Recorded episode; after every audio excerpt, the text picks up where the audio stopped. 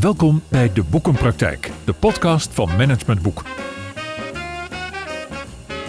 In De Boekenpraktijk praten we met auteurs over hun nieuwste boeken. Boeken over organisatieontwikkeling, persoonlijke ontwikkeling en verandering. En altijd met een link naar de dagelijkse praktijk. Uw presentator is Willem van Leeuwen. Als je jouw unieke bestemming niet leeft, dan zou je het doel van jouw bestaan wel eens kunnen missen.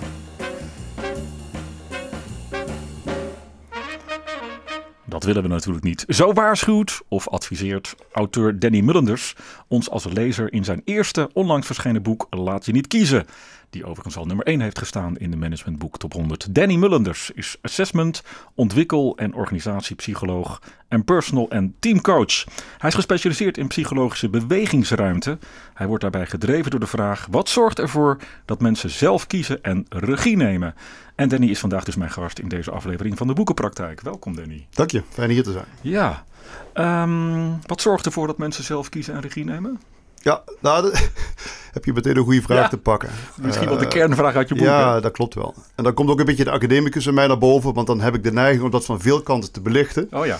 De persoonlijkheidspsycholoog in mij zou zeggen van potverdorie, hè, daar zit veel onder de motorkap. Eh, persoonlijkheid, drijfveren, overtuigingen, identiteit. Ja. Ja. ja, en de context speelt natuurlijk ook mee, de situatie waar je Ja. in zit. En, en, en juist die, die, al die ingrediënten onder die motorkap, die beïnvloeden ons volgens mij zodanig dat we juist misschien wel te weinig regie nemen. Dat is een beetje de klacht die eronder zit, toch? Van we nemen, we laten ons te veel leiden. Ja, en dan, dan wil ik wegblijven bij klachten. Als Ja. mij dat lukt, hè. mogelijk heb je het zo gelezen. Ik probeer ook niet te veel in eh, tips en suggesties te gaan. Ik probeer vooral praktijk aan te reiken. Dus wat maken mensen in bedrijven mee op het moment dat eh, zij in gekke situaties terechtkomen, waarin ze ook wel op zichzelf teruggeworpen worden. En heeft het vaak te maken met wel of niet kiezen. Ja. Eh, en wat ik net zei, dan hangt het vaak met, met je eigen karakter eh, samen, ofwel met een leidinggevende, ofwel met een organisatiecultuur, of, eh, ja, of Ah. je eigen regie pakt of niet. Maar ja, als jij schrijft, hè, zo opende ik deze podcast, als je jouw unieke bestemming niet leeft, dan zou je het doel van jouw bestaan wel eens kunnen missen. Ik heb Ja. dat natuurlijk letterlijk uit je boek gehaald. Ja. Dat zegt iets eh, over, ehm, ga voor jezelf eens nadenken over wat je eigenlijk wilt zijn in dit leven en wilt doen in dit Exact. leven. Ja. en als je het, als je het eh, vanuit een model zou willen bekijken, dan, dan is mijn stelling, ken jezelf vooral heel erg goed. Ken de context waarin je eh, de dingen doet die je doet. Mhm. Snap hoe de combinatie van die twee werkt. En daar kan je iets mee. Ja. Ja. ja. En als we dat dan even plotten op de, de praktijk en op Ja. de werkelijkheid. Ja. Hoe vaak kom je mensen tegen die daar ook echt mee aan de slag zijn? Of zijn we dan toch meer een beetje, ons, eh, een beetje slachtoffers van de, van de omgeving? Ja, ja, je kunt het slachtoffer noemen. Eh, dat is negatief, hè, lijkt het. Ja, dat, dat, dat heeft wel een connotatie.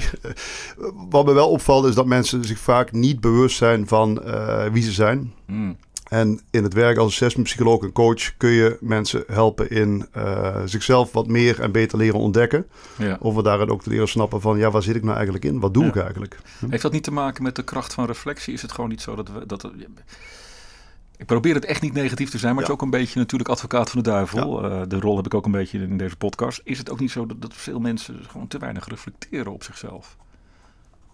Ja, daar kan ik je niet tegenspreken. Nee, ja. Eh, wat, mij, wat mij opvalt is dat we heel veel op de automatische piloot doen. Ja. Dus we zijn geconditioneerd vanuit eh, verleden, vanuit patronen, vanuit mechanismen. En dat maakt dat we nu doen wat we eigenlijk altijd al deden. ja. Als ik mensen in een coaching of een assessment voorbij zie komen, je stelt de vraag van, goh, ja, hoe goed ken je jezelf en vertel eens wat over jezelf.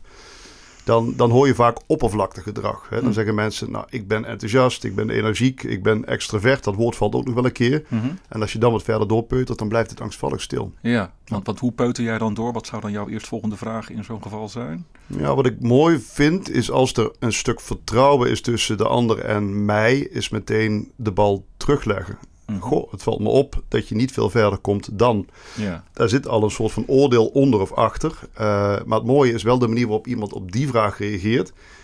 Dat zegt vaak al ook iets over karakter en over persoonlijkheid. Sommige Ja. mensen gaan meteen in het verweer, heel defensief. Hè? Wie ben jij om? Terwijl anderen zeggen van, poh, dat is een interessante vraag. Die hebben we zelf nog nooit gesteld. ja, ja. dat heeft dan met vertrouwen te maken. Of heeft dat ook met nieuwsgierigheid naar jezelf te maken? Eh, ik denk beide wel. Eh, als, je het, als je het model van Lencioni pakt, mogelijk kun je dat ook, maar dat is wat meer vanuit team eh, bekeken, dan, dan zie je wel dat er onderliggend iets van vertrouwen nodig is om elkaar Ja, uh, in de ogen te kunnen kijken. Ja. En voor de duidelijkheid, Lencioni, Patrick Lencioni heeft teamgedrag onderzocht en heeft daar een, een piramide van gemaakt, of een model. En de basis is eigenlijk vertrouwen. En als dat er niet is in een team, dan kun je het wel schudden met de samenwerking. Ja. ja. Uh, we gaan er wat dieper op in hoor. Maar dit boek uh, is je eerste boek. En als subtitel 99 verhalen van een psycholoog. Waarom 99? Een beetje marketing. ah, Ken je okay. Aartje van Erkel? Mogelijk een bekende naam van jou ook. Ja. heeft het ook goed gedaan met zijn boeken. Uh, daar kwamen wat tips terug. En ik ben van nature, denk ik, een, uh, een hele inhoudelijke man. Mm -hmm. uh, ja, en ik heb hier en daar ook wat hints gekregen in hoe, hoe kun je dat boek in de markt zetten. Ja, want het is een verzameling van jouw eerdere blog en posts op social media. Het zijn allemaal echt korte, korte artikelen. Korte verhalen. Ja, ja, ja. ja. Met Als, als, als, als frame, dus als kern zeg maar, uh, regie nemen over je, je leven. Ja, afgelopen uh, drie, vier, vijf jaar heb ik iedere dag op LinkedIn mijn post geschreven. En ik ben een tijdje terug gaan kijken, wat is nou de rode lijn in, in al die verhalen? Mm -hmm. En dan heeft het vooral te maken met laten mensen zich de dingen overkomen of kunnen ze eigen regie nemen? En welke factoren spelen daarin mee?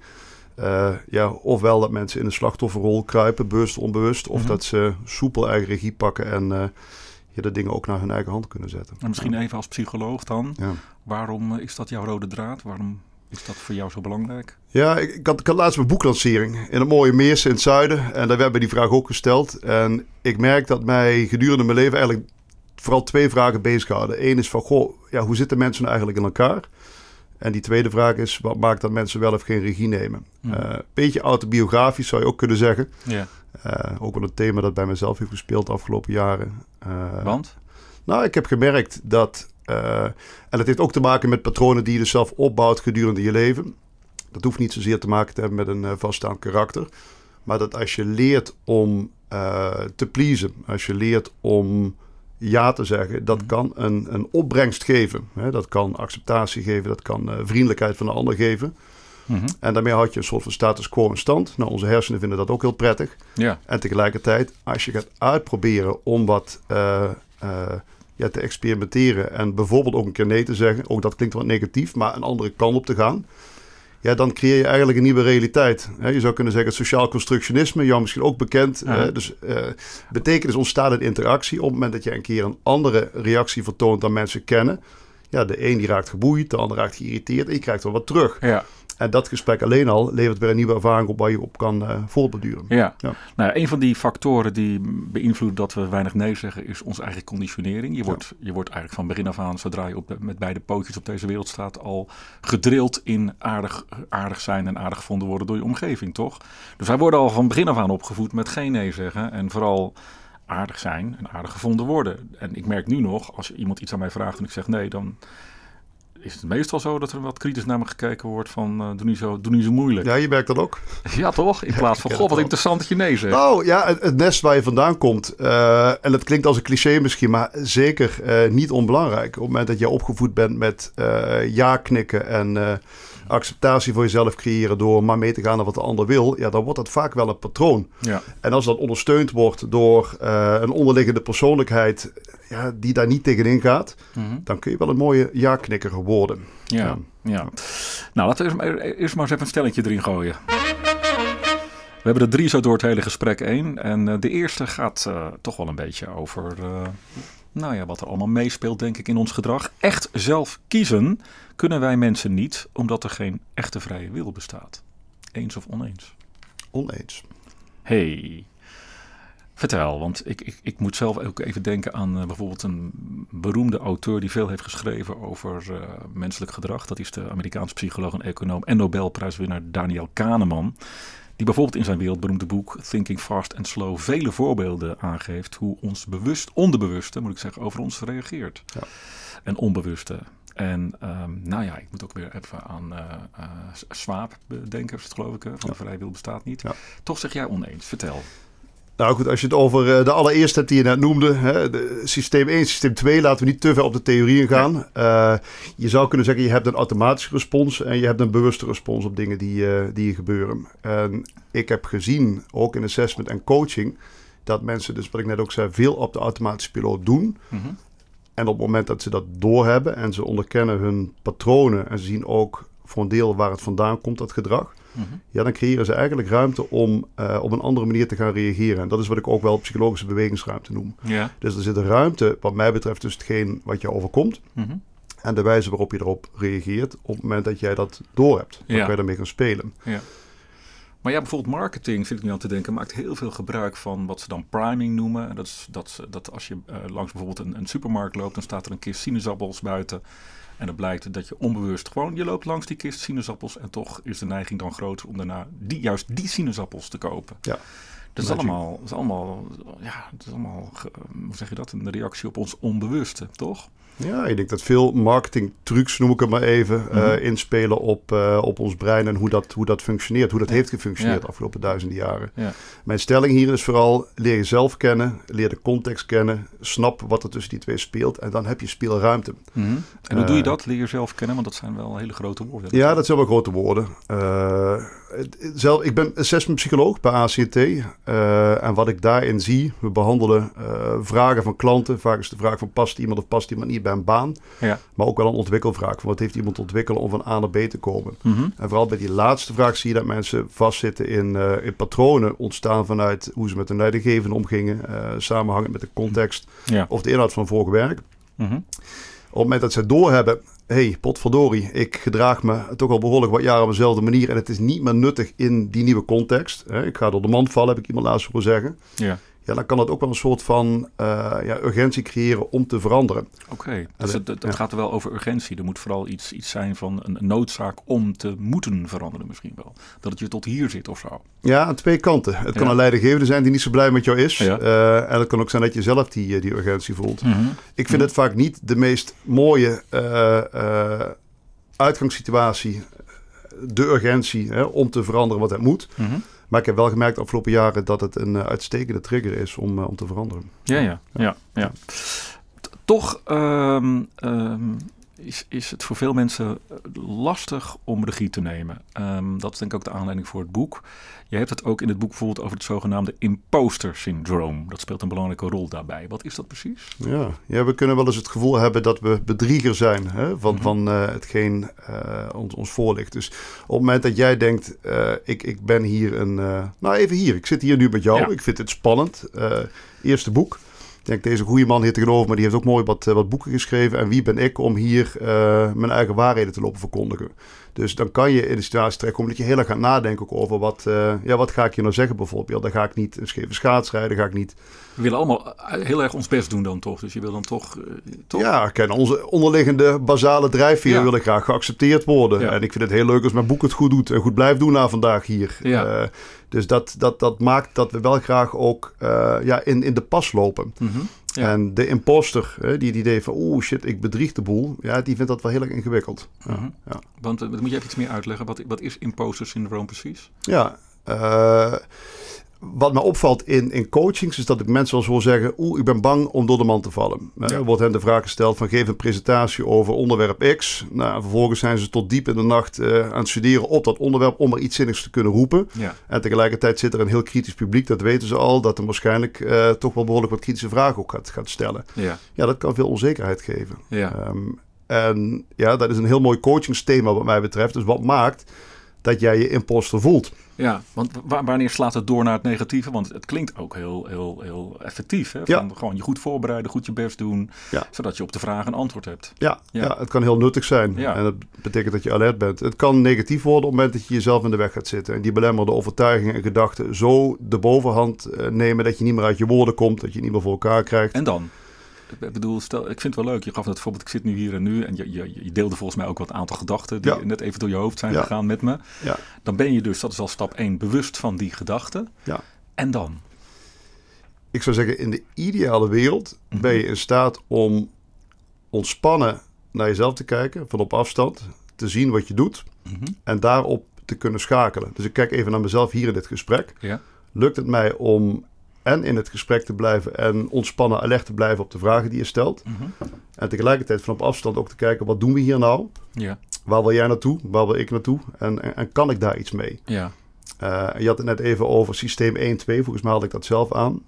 Als ik hier puur op de automatische piloot zou, zou zitten, ik ken mezelf, dan zou ik aan één stuk doorgaan ratelen. En dan zou ik college gaan geven. En dan zouden we over twee uur nog niet klaar zijn. Ja. Dus ik doe in ieder geval mijn best om aan te haken op jouw vragen. En ook te kijken dat ik dingen kan zeggen waar mensen ook wel iets mee kunnen. Ja. Dus ben je bewust van jezelf, daar begint het. Ja, Ja, ja, ja. En als je dan bewust bent van jezelf, dan gaat het er volgens mij ook nog om dat je het gevoel hebt dat je in dat bewustzijn ook voldoende nou, de regie kunt houden, toch? Dat je je niet te veel laat leiden, dan wordt het een beetje met een lange ei door wat in dit, in dit geval ik doe. Ja, dat er speelruimte is. Hoe is dat nu Eh, trouwens? Is dat goed nu? Is Ja, dat voelt wel lekker. Ik vind het ook wel heel leuk hoe je de vragen stelt. Dus ik Mhm. kan er wel wat, eh, wat mee. Ja.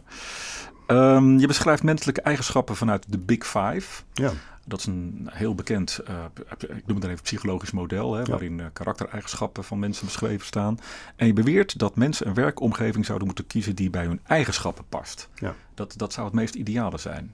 Dat kan goed werken. Wat, Ja. je, wat je daarin ziet, eh, en dat heeft ook wel met leeftijdsfase te maken, dat op het moment dat de vraag vanuit de omgeving is, vooral om hard te werken en eh, je schouders eronder te zetten, Ja.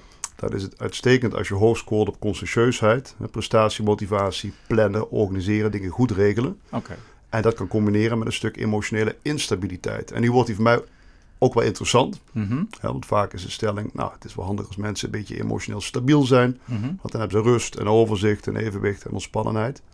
Maar net een stuk instabiliteit maakt dat mensen ook alert zijn op wat er in de context gebeurt. En daarop anticiperen ze dan. Ja, ja. Dus de combinatie van hard werken en kunnen voldoen aan de wensen uit de context... ja. maakt dat je op korte termijn, wat eerder in de eh, carrière...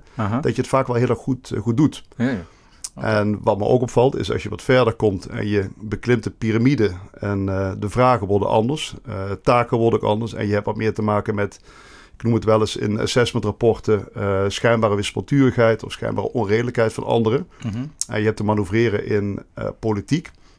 Ja, dan helpt hard werken en eerlijkheid en een groot rechtvaardigheidsgevoel een stuk minder. Ja, En dan werkt het net als je wat kan laveren en als je wat hoger scoort op emotionele stabiliteit. ja. Terwijl je dan juist vaak ziet dat mensen harder gaan werken, toch? Ja. Omdat die omgeving dan eh, ja, van invloed wordt en ze denken, nou, ik moet nog meer mijn best doen. Ja, Dus dan is het de bedoeling dat je even terug naar jezelf gaat of zo en even zegt, hoe wil ik hiermee omgaan? Is, is dat wat je zegt? Ja, dat is wel mijn stelling. Op het moment dat je lukt om vanuit ontspannenheid naar jezelf te kijken en te zien wat je aan het doen bent. Mhm. En ook te zien wat het effect is van de context op jou en andersom. Dan, eh, ja, dan creëer je dus die ruimte om ook ander gedrag te laten zien. Even als voorbeeld. Ik had iemand op coaching laatst en die was precies wat jij net ook zegt. eh, ontzettend hard aan het werk. Was opgeklommen van specialist eh, tot, tot directeur. Dat heel goed gedaan. Ja. En hij zei, potverdorie, nee, het lukt me gewoon niet om die situatie naar mijn hand te krijgen. Mhm. En wat valt dan op, is dat hij heel inhoudelijk communiceert. Hij legt de feiten op tafel. Mhm. Maar goed kijken naar wat is nou het impliciete signaal dat de ander afgeeft. En meer luisteren naar wat mensen bedoelen naast wat ze zeggen. Mhm. Dat heeft hij niet in zijn vocabulaire, niet in zijn manier van denken. Nee. En dat maakt dat hij iedere keer wel toch wel hard op zijn bek gaat. Dus Ja. mensen accepteren hem niet. Ja, ja. Dus in die coaching richten we ons eerst op eh, wat maakt dat je doet wat je doet. Ja. En daar zie je dat het ook wel aangeleerd gedrag is vanuit die oude context van expert. Ja. Eh, ja, en dan ga je kijken hoe, eh, hoe kan je zo iemand helpen om ook tot, tot ander gedrag te komen. Wat wel ook bij hem past, wat mij betreft. Ja, ja, Ja. ja. En dat gaat dan in dit geval, ik vind het wel een mooi voorbeeld, dat, dat iemand dan ook leert om misschien meer de signalen uit zijn omgeving op een andere manier te analyseren. Dan. Ja, en daar, daar komt voor mij die Big Five bij kijken. Want op Mhm. het moment dat jij wat lager scoort op die emotionele stabiliteit. en je bent wat meer op jezelf gericht, op hard werken. eh, je onrust omzetten in actie. dan, eh, dan is het al wat ingewikkelder om. een andere, ander facet van die Big Five is openheid. Openheid voor nieuwe ervaringen. Op het moment dat je emotioneel wat minder sterk scoort. dan is het minder makkelijk om open te zijn ook voor eh, omgevingsinvloeden. Dat snap ik Eh. even niet hoor. Help me even, hoe bedoel je dat? Op het moment dat je behoorlijk gericht bent op je eigen prestatie en op je eigen denken en zelf dingen voor elkaar krijgen, dan, dan pik je de context vaak niet, niet op. Oh ja. En dat, dat doet afbreuk aan je nieuwsgierigheid, maar ook wel afbreuk aan je, aan je inlevingsvermogen. Dus het aansluiten bij anderen. Ja, ja, ja. Dat heeft ook een beetje met kosten-baten bijna te maken. Want als je tegen iemand zegt in een coachgesprek, eh, ehm, probeer wat meer, zo vertaal ik het dan even, wat meer de signalen uit de omgeving op te vangen. Dan is een, dat, dan is een kost daarvan dat je minder misschien juist eh, met je eigen werk bezig bent. En misschien meer in gesprek gaat met de ander. Toch? Nou, twee dingen. Zeg, it's all about balance. En als tweede, het is ook wel afhankelijk van context en hetgeen wat jij eh, te doen hebt. Op het moment dat jij in de rol, en dan ga ik even clichés weer praten, maar je zit in de rol van leidinggevende of manager. Ja, Ja. Dan is het misschien wel zelfs je taak om anderen aan het werk te krijgen en anderen ook uh, leer- en werkervaring uh, Ja. aan te bieden. Op het moment dat je alles gaat overnemen, ja, dan, dan kun je het aardig vergeten volgens mij. Ja. Ja. Stelling 2. Kiezen. Ik ga even aan op het woord kiezen, want het boek heet niet voor niks laat je niet kiezen. Kiezen is altijd verliezen. En dat maakt dat we dat zo slecht doen. De angst regeert om iets kwijt te raken. Je doet me twijfelen. Ik zeg onjuist. Vertel, waarom? Ja, als je naar mensen kijkt en je kijkt naar menselijke drijfveer, dan hebben we zoiets als verliesaversie. Die term zal jou misschien ook bekend voorkomen. Hè? Dus we zijn bang om dingen te verliezen. Daarom willen we die status quo graag eh, in de hand houden en dingen doen. Ja, Ja. nou, ik zit bijvoorbeeld te denken Ja. aan eh, wa- waarom mensen toch vaak geen nee zeggen. Dat is dat ze bang zijn dat ze de relatie schaden. En Ja. dus de relatie kwijtraken, zeg maar, met iemand. Ja, exact. En dat, dat is het automatisme dat vaak gebeurt. En dan kruip ik toch weer in de coachingsrol. Mhm. Op het moment dat een ander doorheeft dat zijn patroon is om ja te knikken om de relatie in stand te houden, Mhm. dan werkt het fantastisch goed als je alternatieven kan bieden voor dat ja knikken. Mhm. En voor mij zit daar wel een stap voor. En dat heeft ook wel te maken met eh, wie ben jij nou als mens? Wat zijn je eigen waarden? Wat wil jij heel graag ook uit, dan maak ik het heel groot, maar uit het leven halen? Mhm. Ja, en hoe sluit dat ja knikken daarop aan? De stap ervoor heeft vooral te maken met je bewustzijn van het feit dat je ja knikt. En word je daar blij van? Ja, nee, maar kijk, dan kan ik me voorstellen Ja. dat ik, ik ga er even op in, dat ik zeg, nou ja, ik zou juist echt wel wat assertiever willen zijn, want ik zou in dit leven juist iemand willen zijn die wat meer regie over zijn leven neemt en dus ook over mijn werkzame leven. Dus ik zou tegen mijn leidinggevende echt wel wat meer nee willen zeggen. Ja. Maar ja, dat is nou juist de issue. Dat is de issue. Ja. En eh, daar, als je het ook weer vanuit coachingsperspectief bekijkt, zou je kunnen zeggen: ja, leert iemand dan eh, assertief zijn, hè? de vuist op tafel slaan en in het moment als eh, when the shit hits the fan, dat hij even eh, de waarheid zegt tegen zijn leidinggevende. Dus dat is gewoon de vaardigheid aanleren. Is dat, Dat is een vaardigheid aanleren. En tegelijkertijd, volgens mij is dat geen lange termijn strategie. Want keer kom je de leidinggevende weer tegen en dan, dan werkt dat niet. Nee. Dus wat, wat meer werkt, is als je op een ontspannen manier eh, je prioriteiten leert te stellen. Hm. En dan heeft dat soms ook te maken met de dingen laten gaan. Dus, dus toch maar ja knikken, omwille van the greater good, heet dat wel eens. Ja. Of weten, hè, when the shit hits the fan, dit is het moment, nu mag ik voor mezelf opstaan. En dan zou ik toch nog altijd zeggen, ga niet met die vuist op tafel slaan. Dat zegt iets over mij. En dat zegt ook wel iets over de effectiviteit eh, die wat mij betreft ontbreekt van die vuist op tafel in veel contexten. Eh, en dan werkt het veel beter dat je heel helder kan aangeven wat jij nodig hebt. En vervolgens daar een vraag over stelt aan anderen. Ja, want dat vuist op tafel slaan. Ik zie ehm, misschien ook wel weer aan de, aan de ene kant zie ik dus die mensen die het moeilijk vinden om nee te zeggen. Aan de andere kant zie ik ook een tendens in deze maatschappij. Of denk ik te zien. Waarin we misschien wel een beetje te veel met de vuist op tafel slaan. En dat we een beetje ja, ehm, elkaar aan het kwijtraken zijn. Ik denk aan eh, nou ja, het boerenprotest wat steeds agressiever wordt. Ik denk aan de wappie-discussie die er geweest is. Ja. Het wij-zij-verhaal, zeg maar. Ja, En dat, ja. ja. daar zit allemaal assertiviteit rondom. In de zin van ik heb gelijk en jij hebt ongelijk. Ja, en misschien wel agressiviteit. Je zou het op het continuum kunnen leggen van subassertief, assertief, agressief. Ja. Dan, eh, en ook als je kijkt naar social media, dat valt me ook wel op in de afgelopen jaren dat eh, debatten polariseren. Ik heb Ja. me daar zelf ook wel eens in, in gemengd. Hè? Een wat, wat principiëler eh, thema binnen de psychologie. Hè? Dat vind ik leuk om erover te praten. Ja. Ja, dan krijg je behoorlijk... eh, nou, je zou kunnen zeggen, je krijgt klap om je oren terug. Ja. Maar dan lees ik in jouw boek eh, bekende adviezen. Meer kwetsbaar opstellen, meer zelfreflectie. Hm. Zelfs je ongelijk durven toegeven. Denk ik, ja, beetje open deur. Het zijn wel open deuren. Dat, eh, daar kan me iets bij voorstellen. Ehm, als ik kijk naar social media en ik kijk ook naar de coronatijd die we achter de rug hebben, waarin we weinig contact, echt fysiek contact met elkaar hadden, zijn dat best wel ingewikkelde tips. Want je gaat je op afstand kwetsbaar opstellen en hoe wordt dat geïnterpreteerd? Ja. Ik heb gemerkt, als je in de één op één zit en je zit letterlijk aan tafel zoals wij hier ook zitten, dan, dan werkt het in veel situaties ontzettend goed. Als jij de eerste bent die bijvoorbeeld kan zeggen, potverdorie, ik heb hier ongelijk. Ja. Want je opent daarmee deuren en er wordt zoals gezegd aandacht, bron van verbinding. Eh, je geeft de ander ook de ruimte om daarop te reageren. Ja. Ja. Ja. Ja. Ja. Dus toch gewoon doen, zeg maar. Ja, ik zou het gewoon doen. Ja. Ja, En even je ego, ego opzij. Ja, dat. Ja. Oké, zullen we nog eentje doen? Nog Ja, één graag. stelling? Ik vind Ja. het wel leuk. Zo. Ja, ja, ik ook. Ja. Komt de derde stelling. dank je. En dat gaat over het kiezen van onze gedachten. We laten ons natuurlijk erg beïnvloeden door belemmerende gedachten of negatieve gedachten. Een negatieve gedachte schiet zo schiet. Even overnieuw. Een negatieve gedachte schiet vaak zo snel in je hoofd dat je die dan niet doorhebt en je vervelende gevoel al heeft veroorzaakt. Eens. Ja. Ook jou gebeurt dat, hè? Ja. Bijvoorbeeld, ik denk aan je pontervaring die je beschrijft. Heb je hem gelezen? Ja. Ja. ja. Wil je Ja. even delen? Vond het toch wel heel erg leuk. Ja, ja. En leuk dat je hem aanhaalt. Ik, eh, ik was een tijd terug op weg naar een klant. Midden-Limburg. Ik vertrok eh, met mijn mooie auto Ford Fusion Plus uit eh, 2003. Die bijna uit elkaar valt. je gaat het heel mooi beschrijven. Ja, dat een beetje, een beetje, een beetje de situatie te laat vertrokken. Ik scoor wat lager op conscientieusheid. En wat gebeurt er? Ik ben bijna daar en mijn TomTom vanaf mijn eh, eh, telefoon, die, die stuurt me dus via een, eh, een pontje. Hm.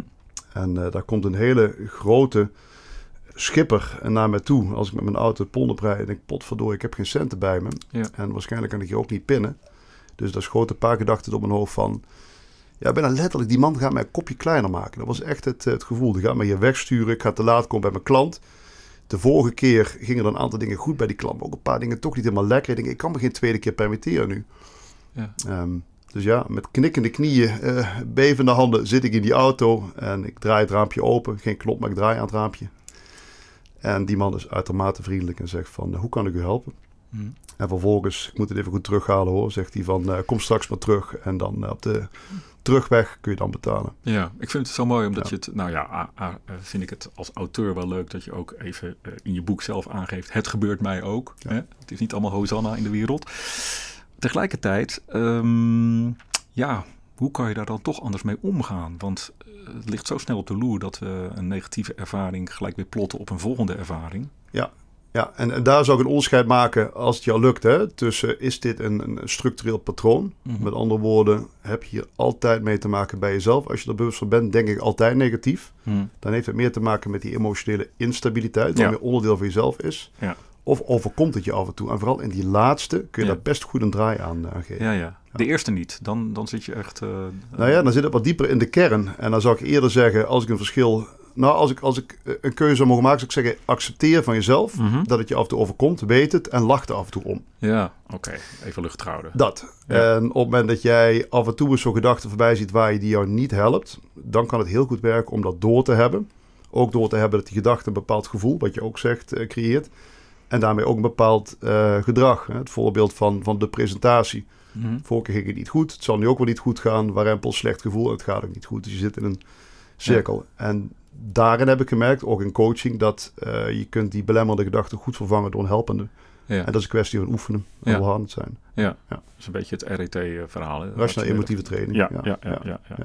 Zo, eh, ehm, ehm, ik, ik maak nog wel eens teams mee, dus dan gaan we even wat, wat van het individu weg. Maar ik maak wel eens teams mee. Eh, zeker in een familiecultuur, wat ik vorige keer met Mike heb besproken, Mike Tieke. Ehm, en in zo'n familiecultuur van een organisatie zie je dan veel teams die ontzettend aardig voor elkaar zijn. Dus die durven elkaar niet aan te spreken, hebben het ook heel gezellig met elkaar.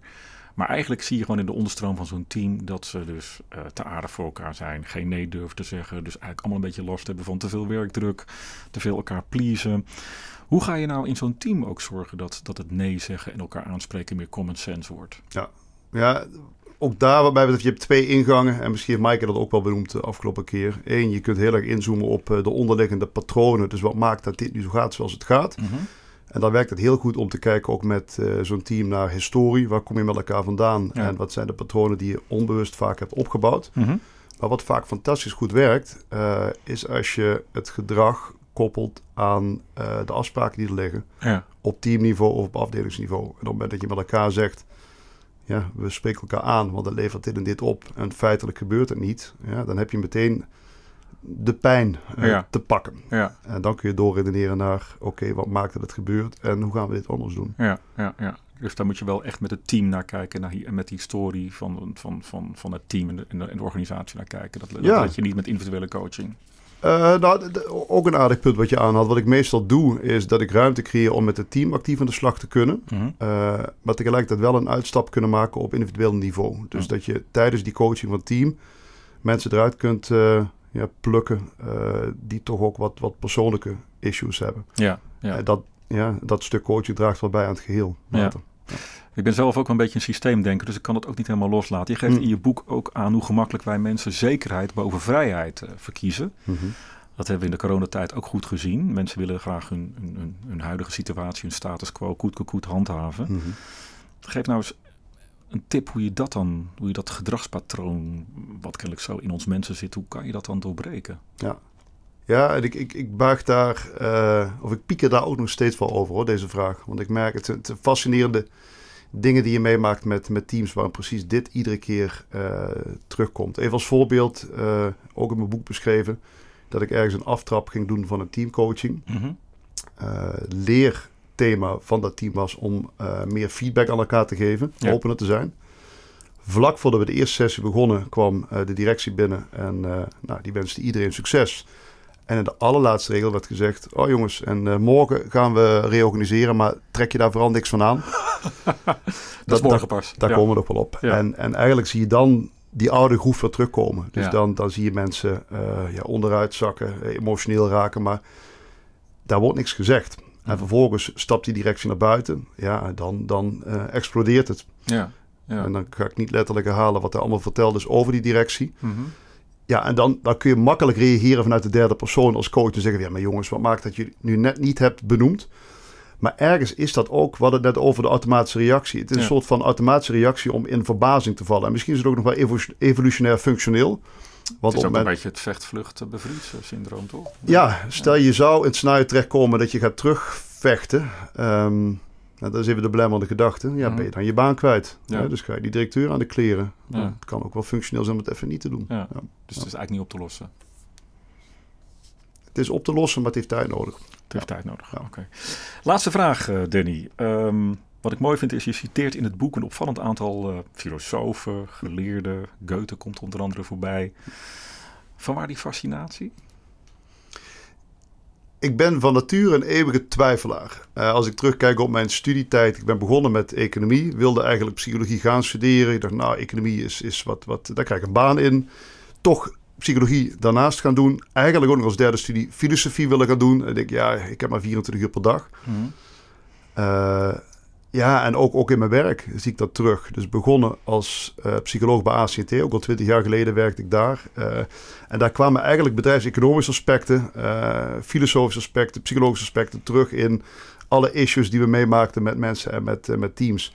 Dus ergens eh, onbewust kwam ik daar eh, tegen dat hetgene wat ik gestudeerd had ook wel aansloot bij, eh, ja, bij de praktijk, hetgene Ja. wat ik daar wilde gaan, gaan doen. Ja, Maar kort antwoord op jouw vraag is, ik ben een eeuwige twijfelaar. eeuwige twijfelaar, ja. Ehm, zullen we deze podcast nog inspirerender eindigen dan dat we hem begonnen? Ik ben benieuwd. Ehm, nou, daar wil ik eigenlijk de regie voor aan jou geven. In de zin van, zullen we eens met, met één krachtige spreuk uit jouw boek... van één geleerde filosoof, psycholoog, die allemaal hebt aangehaald... ehm, deze podcast eindigen. Ook misschien omdat die spreuk voor jou inspirerend is... en misschien ook wel het boek goed weergeeft. Ja, dank je. Eh, nou, dan denk ik aan Viktor Frankl, de, de psychiater eh, die ook in de Tweede Wereldoorlog de, de kamp heeft meegemaakt. Een Ja. eh, Joodse psychiater. Ja. En daar was ik behoorlijk van onder de indruk rond mijn vijftiende toen ik zijn, zijn boek las. Zin, de zin van het bestaan. heet De zin van bestaan. Ja. Ja. Ja, en En, heeft daarin het concentratiekamp overleefd. Hè? heeft Ja. hij overleefd. Dus hij stapte uit. En eh, nou, hij heeft ook nog ruimte daarna om, om eh, studenten, medemensen eh, mee te nemen wat hij heeft meegemaakt. En eigenlijk zegt hij iedere keer weer... ja, er is altijd ruimte om op jouw eigen manier te reageren op wat je overkomt. Dus de feitelijke situatie, die kun je niet veranderen. De manier waarop jij daarmee omgaat, ja, dat is bepalend ook voor ja, wat er daarna gebeurt. Dankjewel voor jouw deelname aan deze aflevering van de Boekenpraktijk, Danny Mullenders. Belangrijk om je meer bewust te zijn van wat je zelf allemaal kunt beïnvloeden en regisseren in het leven. Ja, nou, we gaan even met zomerverlof. Dus ik verwijs jou als luisteraar van, eh, van de Boekenpraktijk heel graag naar de volgende aflevering. Die zal over een aantal weken, zo vanaf, eh, nou wat is het, eh, eind augustus, weer op alle grote podcastkanalen te vinden eh, zijn. Ook daarin spreken we weer met een auteur over zijn of haar opmerkelijk recent verschenen managementboek. En plotten we de strekking van dit boek op een actuele casus uit de praktijk. Rest mij je hartelijk te danken voor het beluisteren van deze podcast. Bij vragen, opmerkingen of suggesties altijd welkom. SVP even mailen naar info.managementboek.nl Tot zover de praktijk van boeken. Kijk voor meer afleveringen of een abonnement op de boekenpraktijk op managementboek.nl/slash podcast. Je vindt ons ook op Spotify, Apple Podcast, Google Podcast en Soundcloud. Hartelijk dank voor het luisteren en graag tot de volgende podcast.